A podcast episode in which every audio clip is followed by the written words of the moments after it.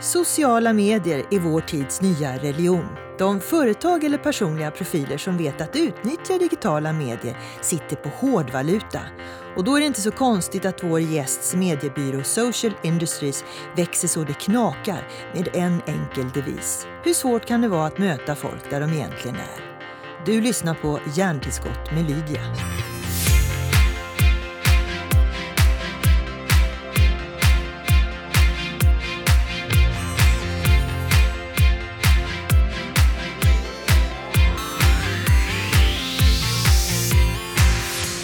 Jag är riktigt glad att få sitta med någon som faktiskt vet mer än många andra om hur sociala medier funkar. Det här är Emma Blom, välkommen! Tack så mycket! Du, hur har din dag och vecka varit? Även om inte den är så långt gången. Men. Nej, vad är det för dag? Är det bara tisdag? Ja, nej men den har ehm, eh, varit som vanligt ganska eh, stressig. Men eh, det är bara roligt. Eh, jag åker ju faktiskt till USA på fredag, så den är extra stressig för att jag ska åka bort då. Eh, så hela den dagen försvinner. Är det någonting du vill dela med dig om vad du ska göra där? Alltså, eller? jag ska åka på kärleksresa med min man. Det är ändå också viktigt att göra. Absolut. jag trodde du var involverad i någon kampanj där, för det skulle inte förvåna mig. Nej, men jag ska på lite möten i, i eh, New York då först, men, men där vi har jobbat lite av och till. Men, men eh, eh, huvudsyftet är att hänga med min man. Ja, men det tycker jag låter alldeles utmärkt. Du, för en tid sedan så gick du ut och sa att alla ni som har gått kurser, föreläsningar och utbildningar om hur sociala medier funkar, ni kan bara glömma allt ni lärt er. Och det var ju en riktig käftsmäll för många som kanske tyckte att nu har jag investerat i det här och nu kan jag det mesta för att gå vidare i mitt företag eller vad det nu kan mm. vara. Vad har du för belägg att säga sådär? Om man har gått en kurs för två år sedan, det är bara att glömma det. Därför att eh, det, det ändras och uppdateras hela, hela tiden. Och då måste, man måste också uppdatera sig.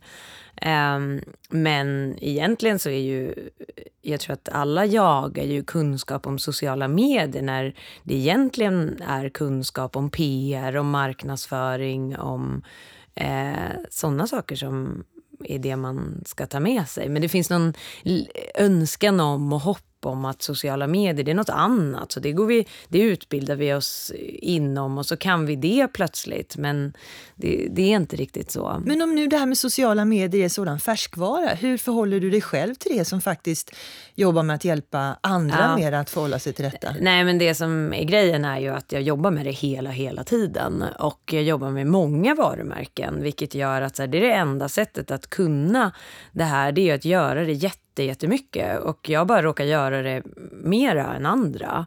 Eh, det är det ena då, att jag, annars skulle inte jag veta någonting. Jag skulle inte kunna så här, inte, grunden för att du kan sitta här och prata med mig om det, det är att mitt daytime-jobb är att driva en byrå.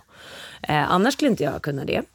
Eh, och det andra är ju som jag tror att också väldigt många missar, det är ju att man måste förhålla sig till det på ett väldigt prestigelöst sätt och det är svårare än man kan tro. Alla är till exempel användare av sociala medier, i princip alla. Eh, och då tänker man att ja, men då kan jag ju också eh, förhålla mig till det professionellt och det vill jag mena är två olika saker. Vad är det vi framförallt ska glömma för lite sanning mm. var det det påståendet, sa du ändå. Liksom. Vad är ja. det som vi bara kan... Det där är historia när det gäller sociala medier. Ja, men det är flera saker. Men ett exempel är ju till exempel att om man ser tillbaka då, eh, när jag, jag började med det här 2011 eh, och jobbade liksom bara med sociala medier egentligen. Eh, men så från och med då och även ett par år framåt så handlar det ju väldigt mycket om att till exempel bygga sin kanal i sociala medier. Och det där är ju, eh, organisk reach är väl någonstans mellan 1 och 3 procent. Så att det där att du lägger upp innehåll som dina följare ska se, det är ju inte sant att de ser det. Eh, och då när man hela ens ramverk för att driva det här, det här är bara ett exempel, men i hela ramverket är då att jag gör innehåll till de som följer min sida, när de faktiskt inte ser det. Hur, eh, det är ju en sån sak som man då måste eh, göra om helt enkelt. En annan sak är ju att eh, förr var det ju så att om man bara gjorde jätte, jättebra innehåll, då skedde det någonting av sig självt. I alla fall fanns det en uppfattning om det. Och det är liksom, du kan göra världens bästa innehåll, men du måste ju eh, ha tänkt lika mycket på hur du ska sprida det. Eh, och det är också en sån där grej som är många content marketingbyråer som tror att content är svaret på det. Det är en del av det, men absolut inte allt. Men eh, när man hanterar alla de här råden och försöker förkovra sig själv. Nu pratar vi allt om den vanliga dödliga personen som bara tycker det är roligt med sociala medier, ända upp till stora koncerner som satsar mastodontbudgetar för att eh, nå ut. Mm. Det är ju rätt bökigt eftersom eh, instanserna själva förändrar sig. Facebook förändrar mm. sitt flöde och allt det där. Så att är det inte så att vi alla ändå är i händerna på, på några helt andra som sitter i USA ständigt? Jo, men absolut så är det ju. Men mitt förhållningssätt till det är ju att okej, okay, men här har vi en amerikansk eh, college-student som då, eftersom Facebook är störst då, som startar en plattform som eh, liksom folk flockas till. Eh, eh, i princip alla har ju ett Facebook-konto om man nu får slänga sig med det. Till och med du, jag har faktiskt tittat på det. Ja, det är klart att jag har. Eh, och eh, då tycker jag att det här är ju naturligtvis eh, en otrolig resurs för marknadsförare, för organisationer, annonsörer och så vidare. Men jag tycker att det är rimligt att inte annonsörerna får driva det. Här är en plats där människor spenderar jättemycket tid. Här vill företag också vara. Men eh, det är, jag tycker till att börja med att det är rimligt att det kostar pengar som annonsör att nå de här personerna. Jag tycker att det är rimligt att det kostar jättemycket pengar om man gör grejer som väldigt få människor är intresserade av och så. Ehm, så mitt, mitt förhållningssätt är liksom inte det här som media ofta tar. Att nu stänger Facebook möjlighet för organisk reach och nu blir det dyrare med annonser. Bara, jo, men att jag som privatperson loggade in på Facebook i morse, det är ju inte för att jag ska titta på Tele2 senaste reklamfilm. Det är inte mina incitament och det vet Facebook och de supportar mig som användare och utan användare så har de ingen affär och så vidare. Men det som de flesta missar är att du måste anpassa dig till vad folk är beredda att titta på eller göra med innehåll på Facebook. Och det är det man ofta missar. Man gör en reklamfilm som är gjord för att visas på tv en miljon gånger. Och sen så tror man att folk ska på Facebook då gå helt bananas i den här reklamfilmen. Det funkar ju inte så. Man måste ju anpassa sig till vad det är det folk vill titta titta på? Vad är incitamenten för folk att logga in på den här plattformen och hur kan jag nå dem i den situationen? Alltså om du går på toaletten nu, då kommer jag för övrigt inte gå in på Facebook, jag kommer gå på Instagram. Jag går inte in på Instagram nu för att fördriva tid när du går på toaletten eh, och köper toners till skrivarna på jobbet. Jag går ju dit för att bara fördriva tid, slösurfa, titta på lite sköna bilder, bli lite inspirerad, kanske hitta något recept jag kan laga till middag ikväll. Alltså. Det är, man måste förstå varför folk är där. Hur kan jag nå dem? Med, med vilken typ av innehåll kan jag nå dem? och så vidare. Så att inte inte göra det alls, men man kan inte göra det så som man alltid har gjort. Hur vet man att man lyckas?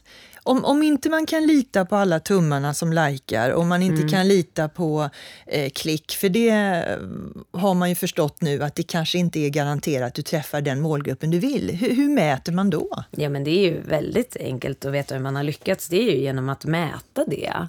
Eh, och då kan man till exempel inte mäta det om man, om man inte först har eh, bestämt sig för vad, vad, vad är det jag vill att folk ska göra med det här? Vad, vad, vad är det rimligt att anta att de gör med det här och vad är det värt för mig, det som de gör? Så att, att, inte, att de klickar på någonting, ja men då måste man ju veta så här, varför vill jag att de ska göra det och vad ska de göra sen när de har klickat då? Då är det väldigt lätt att mäta ofta. Okej, men de säger att de ska läsa ett blogginlägg på min sajt. Ja, men då mäter du ju hur länge folk var inne på din sajt då och vad klicken kostar är ju också väldigt intressant för att om du har gjort en en liksom lite sämre annons eller träffat fel målgrupp då, då blir den ofta dyr. Vad är den vanligaste frågan när folk knackar på på social industries? Ja, du. Den vanligaste frågan? Ja, eller vanligaste uppdraget som Va? du vet, det här är alltid samma visa. Ja, det går i vågor ska jag säga vilken typ av förfrågningar vi får. Men jag skulle säga att eh, den vanligaste frågan är vilket content ska vi göra i våra kanaler? Och då är mitt svar så här, vad är dina kanaler värda tycker du? Eh, alltså jag börjar ju då i en annan det, det, blir ett svar som de inte riktigt har förväntat sig. Ja, vi måste ha något content att posta, men det kanske inte är så att Eh, det kanske inte är så att syftet med din, det du gör här är inte att fylla din kanal med massa innehåll. Jag tror det var tvärtom, att folk kom liksom, det här säljer vi eller det här vill vi. Hur, hur, hur når vi ut? Ja, no, absolut. Det kommer ju mycket e-commerce och vill sälja. Och det är ju en stor del av det vi gör naturligtvis. Men jag, jag skulle säga att den vanligaste frågan är liksom från alla möjliga, så här, vad ska vi göra för innehåll? Det är det är fortfarande den vanligaste förfrågan jag får. Sen ändrar det här uppdraget karaktär efter att vi har svarat på den initiala frågan. Men som liksom ingång, jag tror att många som går och lyssnar på mig som föreläsare och sådär också, de vill veta så här, vad ska jag göra för innehåll eh, för att nå ut. Liksom. Hur gör ni själva? Eh, du menar hur vi marknadsför vår byrå? Ja, vi gör ju inte det i sociala medier. Eh, och det kan ju vara så här, eh, eller jag gör ju det i mina sociala medier. Jag är ju, eh, får man ju ändå säga, ansiktet utåt för byrån. Jag är ju själv aktiv såklart. Men, men eh, nej, det får man väl kalla för skomakarens barn eller vad man vill. Men, men eh, det gör vi inte. Vi har liksom, driver inte det. Och en av anledningarna är ju såklart att så här, Eh, då ska folk gå in i den kanalen och titta på så här, jaha, men varför, varför gör inte ni på det här sättet? Eller så, här, det, så blir det ju. Men eh, ja, vi borde kanske det, men det är inte det vi har lagt våra resurser på. Vi jobbar ju också en del med att bygga profiler i sociala medier. Det händer ju att vi får den typen av uppdrag. Och, och eh, då är det mycket lättare att titta på hur jag själv har gjort det. Alltså att, att Eh, bygga mig själv i att få ut vårt varumärke i både då traditionell media, alltså framförallt våran egen då branschpress är ju jätteviktiga forum för mig och hur vi har gjort det. Och det har ju varit något som ja, det var inte att jag startade ett bolag och dagen efter ringde Resumé mig och ville söndagsintervjua mig. Så gick det alltså inte till. Utan det har jag faktiskt arbetat för. Men jag tycker till exempel att en av de saker som också förutsätter ett prestigelöst förhållningssätt som folk har väldigt, väldigt svårt för. Det är ju sammanblandningen av liksom köpt och förtjänad media. Och det är där jag tycker att man verkligen måste eh, så här, Eh, hitta samarbeten på olika sätt då. Med eh, liksom jag tycker att det, det, har man ju sett verkligen på sistone då att eh, det som vi tidigare i alla fall kallar för native-samarbeten med olika mediehus. Det, har ju, det är ju väldigt mycket lättare att få ut i sociala medier än, än att liksom, du postar en länk till en artikel om dig till exempel. Att man faktiskt hittar ett innehåll och gör en gemensam sak av att distribuera ut det. Och hela naturligtvis influencer marketing eh, industrin, eller vad man ska kalla det, är ju något som man inte kan bortse ifrån.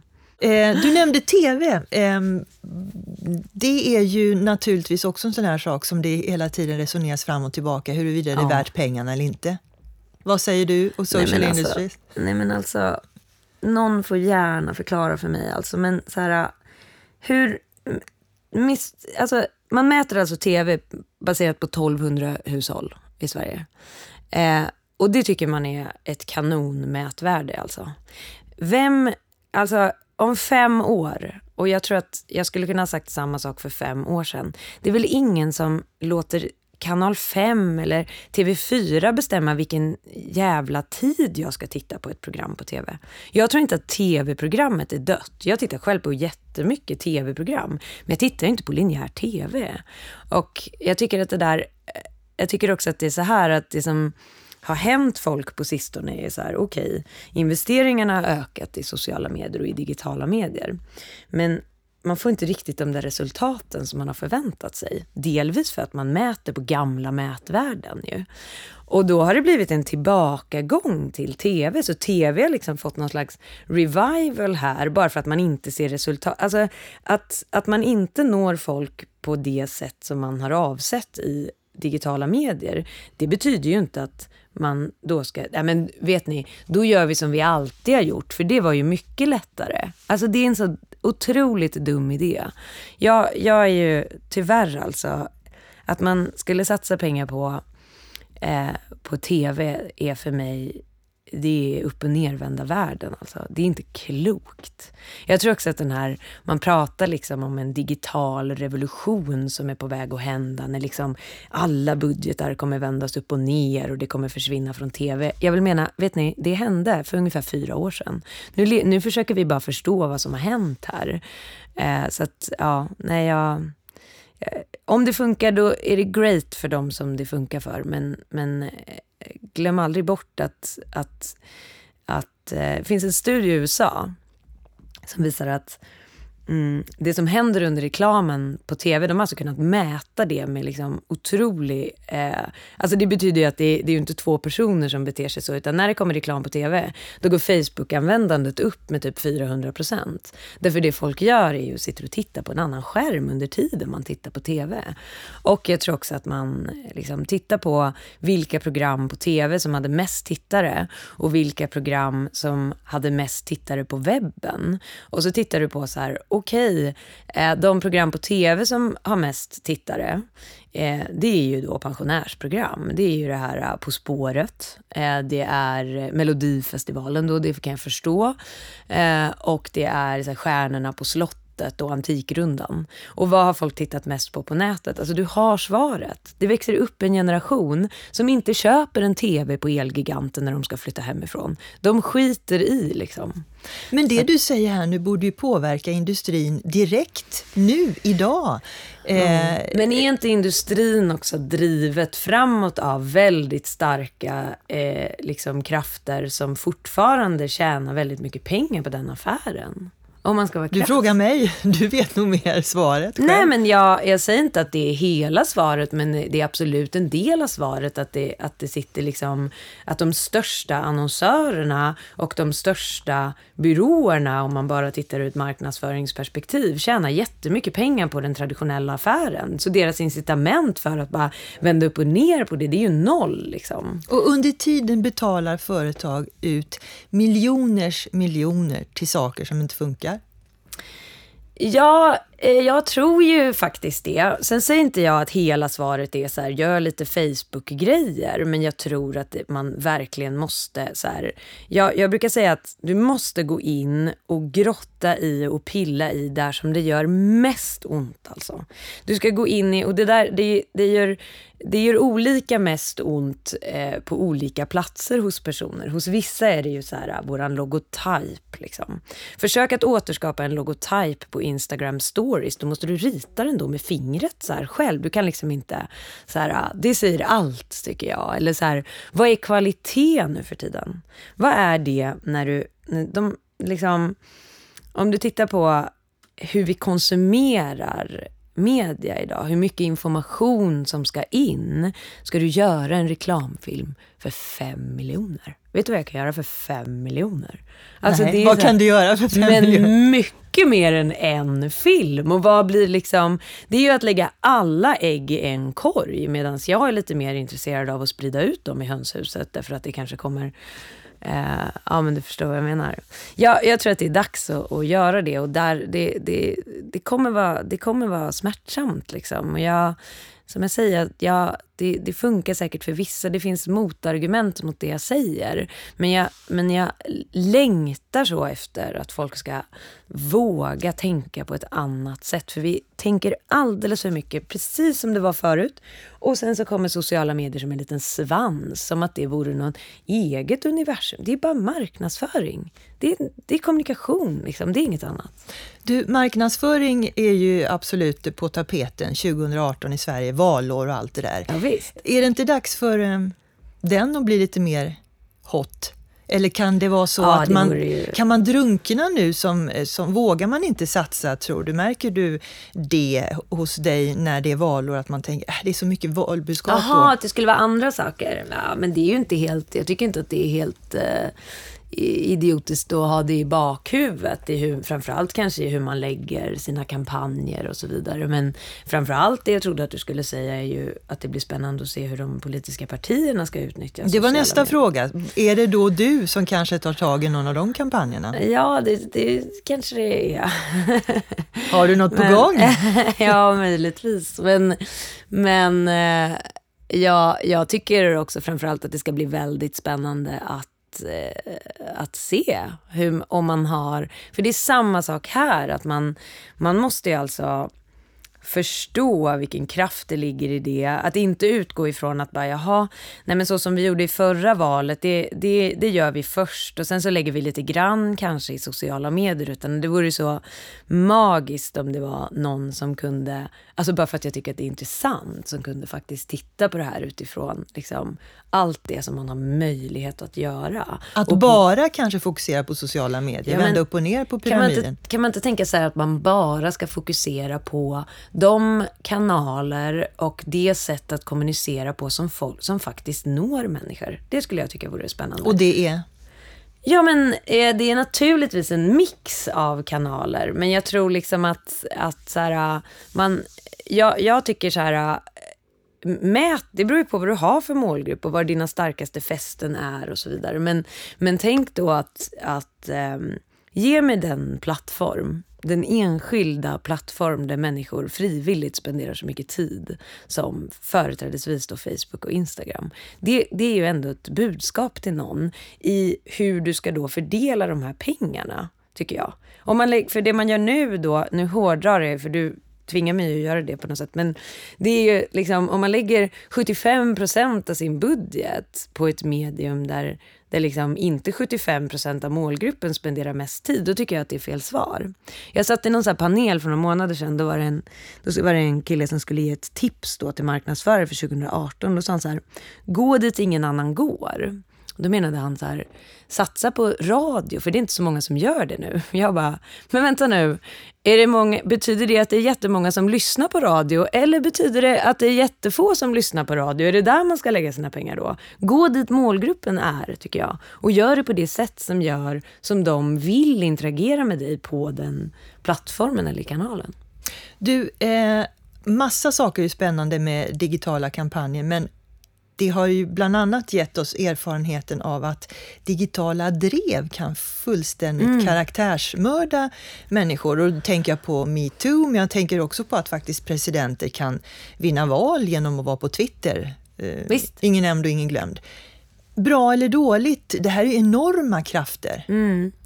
Och eh, jag tycker ju... Eh, alltså jag vet inte om jag ska svara på om det är bra eller dåligt, men man måste nog så här... Äh, det är en ny verklighet vi måste förhålla oss till, tycker jag. Och eh, det är såklart... Eh, det som blir problematiskt och som vi också måste vänja oss vid, det är ju så här, vad är sant, vad är inte sant? Alltså när, när det liksom är en mycket, mycket större massa av människor som driver opinion, till skillnad från, alltså tidigare i historien har man ju kunnat, både varumärken och liksom politik har ju kunnat hållas väldigt tajt. Man kan liksom, därför att eh, de som driver opinion måste liksom få sin ledare publicerad i de stora morgontidningarna om du tittar på bara Sverige till exempel. Så är det ju inte. Det här är ju så här, vem som helst kan ju ha på, på en timme eh, ha tio gånger så många läsare som vilken ledare som helst i våra största morgontidningar. Och det lär väl bli allt vanligare. Oh ja, och det må, vi bara måste förhålla oss till, där, till det där. På, eh, vi måste liksom lära våra ungdomar att förhålla oss till det. Och vi måste, vi måste tänka bort liksom att, så här, eh, som jag sa förut, vad, vad är förtjänat och vad är köpt? Eh, alltså, Och det är intressant med tanke på om vi pratar om fake news och san sanning Exakt. och inte sanning. ja. Eh, någon har köpt sanningen. Oj, då kan ju vad som helst hända. Mm. Nej, och jag tror, jag tror återigen att det det handlar om är att vi, vi måste vänja oss vid det och vi måste förstå. Jag, jag tycker till exempel att så här, eh, om man bortser då från så här Facebooks och de här plattformarnas ansvar i fake news och sådär. Det tycker jag absolut är, är någonting. Men, men jag tycker ju också att de här, eh, de eh, medier och liksom opinionsbildare som har varit väldigt starka i vårt land och hittills, de hänger ju inte med i den här revolutionen. Därför får ju inte de någon röst längre och det tycker jag är deras skyldighet. Titta på alla, jag vet att det är också ganska själv om, men så här, eh, svaret på att, att eh, nu ska vi liksom digitalisera oss, det är betalvägg. Liksom. Ingen köper tidningar längre. Så nu ska jag betala 99 kronor i månaden för att läsa alla de här tidningarna. Det kommer jag inte göra. Alltså det Betalvägg, vad är det då? Ja, men det är när man ska lä- man trycker på en artikel, ska man läsa den så bara, nu måste man bli medlem och betala en månadsavgift varje månad för att få läsa artiklar. Jag kan inte läsa en enda artikel förutom i Aftonbladet och Expressen. Eh, och det tycker jag är en så här, det är ingen färdig tanke jag har i huvudet, men jag bara tror att vi måste alla vänja oss vid att det det ser ut på ett annat sätt. Människor får sin information från andra kanaler och vi kan inte styra det här. Är inte det, bästa, det bästa i livet gratis ändå? Så är det ju. Man kan inte ha en betalvägg när jag kan få... Du vaknade ju inte i morse och tänkte så här, shit vad jag önskar det fanns mer content på internet jag kunde konsumera innan jag går och intervjuar Emma. Det var inte ditt problem. Inte och det är inte alls. Det är för mycket content. Det är problemet. Och så när man då kommer till en så här, åh den här artikeln var lite spännande, så bara betala betalvägg. Ja, eller så kan jag läsa det här liksom 19 gånger om från andra. Liksom. Alltså, man kan ju prata om sociala medier precis hur, på vilket sätt som helst. Ja. Men en sak som i alla fall regeringen har flaggat för, det är att det här är så viktigt. Nu har de fått sin första Chief Digital Officer. Och det låter som en militär faktiskt. Ja. Eh, Åsa Zetterberg heter hon. Jaha, spännande. Vad härligt att det är en tjej på något sätt. Hur förhåller vi oss till det då? Ja, jag, vet inte, jag har inte hört om det. Jag vet inte vad hennes uppdrag är. Men eh, det första jag tänker på det kanske inte var det första du hade tänkt att jag skulle tänka på, men det var så här... Shoot. Ja, men vad fan. Eh, som jag sa, det här har redan hänt för länge sedan. Och nu tillsätter vi någon med, med en titel digital. Men vad heter hennes counterpart då för inte digital? Förstår du hur sjukt vi kommer tycka att det är om så här tio år? Att vi har så här digital marketing manager. Vad gör marketing manager då i den här världen när liksom allt är digitalt? Det är det första jag tänker. Det andra jag tänker det är så här, jaha, det är en person som ska styra upp Sverige digitalt då? Eller ska vi inte kanske eventuellt satsa på att alla andra ska göra det och så tillsätter vi någon som kan hålla på med det här vi gjorde förut. Förstår du skillnaden? Att det blir så här, det våras ju för den där typen av kompetenser idag. Så här, åh, digital kompetens, då anställer vi en person som har det. Tänk att ordet digitalt känns redan omodernt. Ja, men det är så sätt. fruktansvärt omodernt tycker jag. Jag, ty jag tycker till exempel när vi hamnar i så här pitchförfaranden och sånt där, då frågar de ibland så här, hur många social media experts har ni på byrån? Jag bara, men vad menar du? Så här, man kan inte jobba här om man inte, vi har inga. Så här, vad kostar era social media managers? Jag förstår inte vad ni pratar om. Vi är det allihopa liksom. Eh, och det är det jag tycker är så här, eh, jag, därför blir jag inte jublande glad att man tillsätter en person och så tycker man att problemet på något sätt är löst. Och det är det ju inte. Alla måste, alla måste kunna det här för att det ska gå. Slutligen, eh, Emma, det vore ju konstigt om inte jag satt här med en specialist om jag inte tog upp poddvärlden. Mm. vars eh, valuta har förändrats väldigt mycket med alla dessa algoritmer. Hur många är det som lyssnar egentligen mm. och vad är det? Och du sa ju nyss radio och så bara skrynklar du på näsan. Mm. Vad tycker du om poddar då? Eh, nej, och med anledning av det så ska man väl säga att jag lyssnar på jättemycket radioprogram också, framförallt från Sveriges Radio. Eh, men jag lyssnar ju inte på det när de sänds, utan jag lyssnar ju på dem i en poddapp. Liksom. Jag älskar poddar. Jag, har alltid, jag lyssnar nämligen inte på musik alls. Jag är en väldigt konstig person. Jag lyssnar på böcker och poddar. Eh, men jag har alltid något i öronen, men det är aldrig musik. Folk tycker jag är väldigt konstig, men så är det. Eh, så jag älskar det. Jag tycker också att det är liksom fantastiskt utifrån ett marknadsföringsperspektiv därför att eh, man får ju alla poddar gratis i princip. Det är vissa som har försökt att ta betalt, det är väldigt svårt. Eh, och och då är det, det är okej med mig. Jag får all, det här, all den här, allt det här innehållet som jag uppskattar jättemycket. Jag accepterar att det är reklam i det. Jag tycker det, det är priset jag betalar. Jag förstår det, att man liksom har en sponsor för det. Och, Eh, så jag tycker att det, det, det, här är ju naturligtvis, det är ju inte att det här är framtidens radio, det här är nutidens radio. Och samarbeta med. Och samarbeta med på olika sätt. Så får man ju vara noga i vem man väljer, att man liksom ser till att det ligger rätt i mun på de här eh, profilerna man väljer. Men jag tror att det finns otroligt eh, det, jag, jag, tycker man har sett väldigt fina resultat av, av just samarbete med poddar. Jag tycker det är ett fantastiskt medium just nu. Och att öka trafiken mot poddar, det har att göra med många fler saker än bara själva lyssnandet, antar jag då, du som social eh, mediestrateg. Ja, absolut. Du måste ju få folk att hitta en podd. Och det, det sker ju inte av sig själv. Det, sker, det är precis det här som är samma sak med att lägga ut någonting. Alltså bara för att du trycker publicera så betyder ju inte det att folk hittar till den. Alltså, så att, och, och jag menar, hamna på topplistan det är ju bra. För den skannar ju folk. Liksom. Men om du ligger på så plats 300, så länge har jag inte skannat. Då måste man ju så arbeta med det. Alltså, I ditt fall skulle ju du, måste ju du använda dina gäster som får sprida det. Det är super, superviktigt. Du måste sprida det själv, eh, liksom bygga dina egna kanaler så att du kan nå ut med det. Och naturligtvis hitta gäster som väldigt många är intresserade av. På det sättet hittar man till din podd och då kanske man också lyssnar på mindre då, vad ska man säga, högprofilerade gäster. Och så. Du hör vad du precis har committat dig till va? ja, men det kommer jag göra ändå. Därför så, eh, det, men så funkar det ju. Det här är ju marknadsföring för mig också och det är ju jag, det är ju det jag använder mina kanaler till. I allt det här, Emma, finns det någonting som oroar dig? Eh, nej, det oroar inte mig, men det kanske borde oroa eh, annonsörer, tänker jag. Eh, och det är ju att eh, det vi eh, kommer se nu när man inte anpassar sin kommunikation, det är att det växer upp en historielös generation nu som inte de här största annonsörerna, som, det är framförallt de som inte anpassar sig, de som är vana vid att göra på ett visst sätt, de får ju fortfarande return on investment på sina traditionella utspel och så vidare, för så många vet vilka de är och de lägger så otroligt mycket pengar på det. Men de når inte den generation som överhuvudtaget inte rör sig i de här forumen där de syns. De tittar inte på linjär tv, de tittar på Youtube, där finns det liksom ingen närvaro. De har adblockers på allt de gör på internet och de liksom deras beteende i sociala medier är inte att sitta och, och scrolla i newsfeed på Facebook där det kanske kan dyka upp grejer, utan det är på ett helt annat sätt. Det kommer ju naturligtvis att påverka de här bolagen sen. Att man inte har med sig de här företagen och varumärkena som är vana vid att man har en relation till dem från att man är väldigt, väldigt liten, för man är uppväxt med det. Ett annat tydligt exempel på det, det är ju de här modeföretagen. Det är bara ett exempel ju.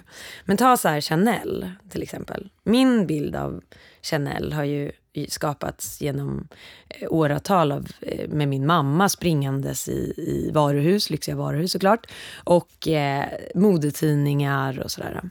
Men idag då var tror du att den generation som växer upp nu får sin bild av Chanel? Är det att bloggaren och Instagram-profilen Kinsa har 12 Chanel bojväskor? Eller är det de här inläggen som Chanel själva gör på sin Instagram som är så superabstrakta, man fattar ingenting med någon konstig fransk skådespelerska? Alltså det kommer naturligtvis påverka. De styr ju inte sitt eget bilden av sitt eget varumärke styr de inte själva. Det är ju så Kinsa som styr det och en massa andra så här modetjejer. Förstår du hur intressant det här kommer bli om samtidigt, tio år? Samtidigt så är det ju en, en skräck. Du pratar om mina tonåringar nu som är ja. 15-16 år. Och det är precis så där. De är som du säger historielösa. Mm. Eh, Men tänk och, när de går i en matbutik. Och hela deras här, hela kommunikationen från allt som är FMCG det är ju alltså fast moving consumer goods, tandkräm, mjölk, yoghurt, eh, ost, alla de här varumärkena. Så med tanken då att du ska, du ser det överallt. Så här. Du ser så här Skånemejerier, Skånemejerier, Skånemejerier. Du ser det på tv, du ser det utomhus, överallt. Så kommer du till matbutiken så ska det då så här koppla i hjärnan att så här, titta det där har jag sett väldigt mycket. Den här kommunikationen når ju inte dem. Så de går till matbutiken som du skulle göra om du gick till en matbutik i Ungern och inte känner igen ett enda varumärke och bara, titta den förpackningen tar jag. Det här kommer ju bli, det, det, måste bli så att, att det här liksom förändras eftersom du inte har den där relationen från att du växer upp till de här olika typerna av produkter. Är du med på vad jag menar? För de lyckas ju inte kommunicera med de här. För de kommunicerar liksom på utomhustavlor, i banner ads på liksom Aftonbladet och så vill de bli lite mer hälsoprofilerade. Går de på tidningen Topphälsa? Vem fan går in på tidningen Topphälsas webbsida? Det är ingen som gör. Men du, om jag skulle vara kund och komma till Social Industry så ja. skulle jag fråga så här, hur många 15-åringar jobbar hos er? Nej, men det vill jag ju också mena är så här, nummer ett är att vi har ju ett då sånt här team av advisors när vi behöver nå 15-åringar. Allas målgrupp är inte 15-åringar. Det finns dessutom en massa andra målgrupper inom ramarna för det här naturligtvis. Eh, men det är också så här, bara för att man är 15 eller för att man är 25 och har jättemånga följare på Instagram så är man inte jätteduktig på att göra marknadsföring mot 15-åringar eller 25-åringar. För det blir alldeles för subjektivt. Då blir det så här, jag skulle aldrig klicka på det eller jag gör inte det. Alltså det där är också en balans i att man inte, eh, det, det är liksom inte givet men du måste ju vara mycket mer öppen öppen för att så här, plocka in data, titta på så här, vad den visar och så kommunicera på det sätt som du också ser fungerar bäst. Men du kan ju inte marknadsföring bara för att du är ung och kan sociala medier. Det är också en, det, det brukar jag, alla som jag, när jag föreläser, de skriver ner det, att du, du är liksom inte bra på sociala medier bara för att du är ung. Så att jag tycker att alla som är, är gamla, eh, som ofta har så här, åh nej men jag kan inte det här och så här, det, det kan de bara släppa. För det är, vi har fortfarande otroligt stor nytta av erfarenhet, kunskap, kompetens inom marknadsföring, PR. Det är bara att man, om du kombinerar det med en prestigelöshet, en nyfikenhet, en förmåga att connecta med människor som du kan hämta inf information ifrån, så är en 60-årig gammal reklamare mycket bättre än att ta in en 15-åring som så här, har koll på tugget på Snapchat, tycker jag. Bra va? tack, Emma Blom. Ja, tack själv.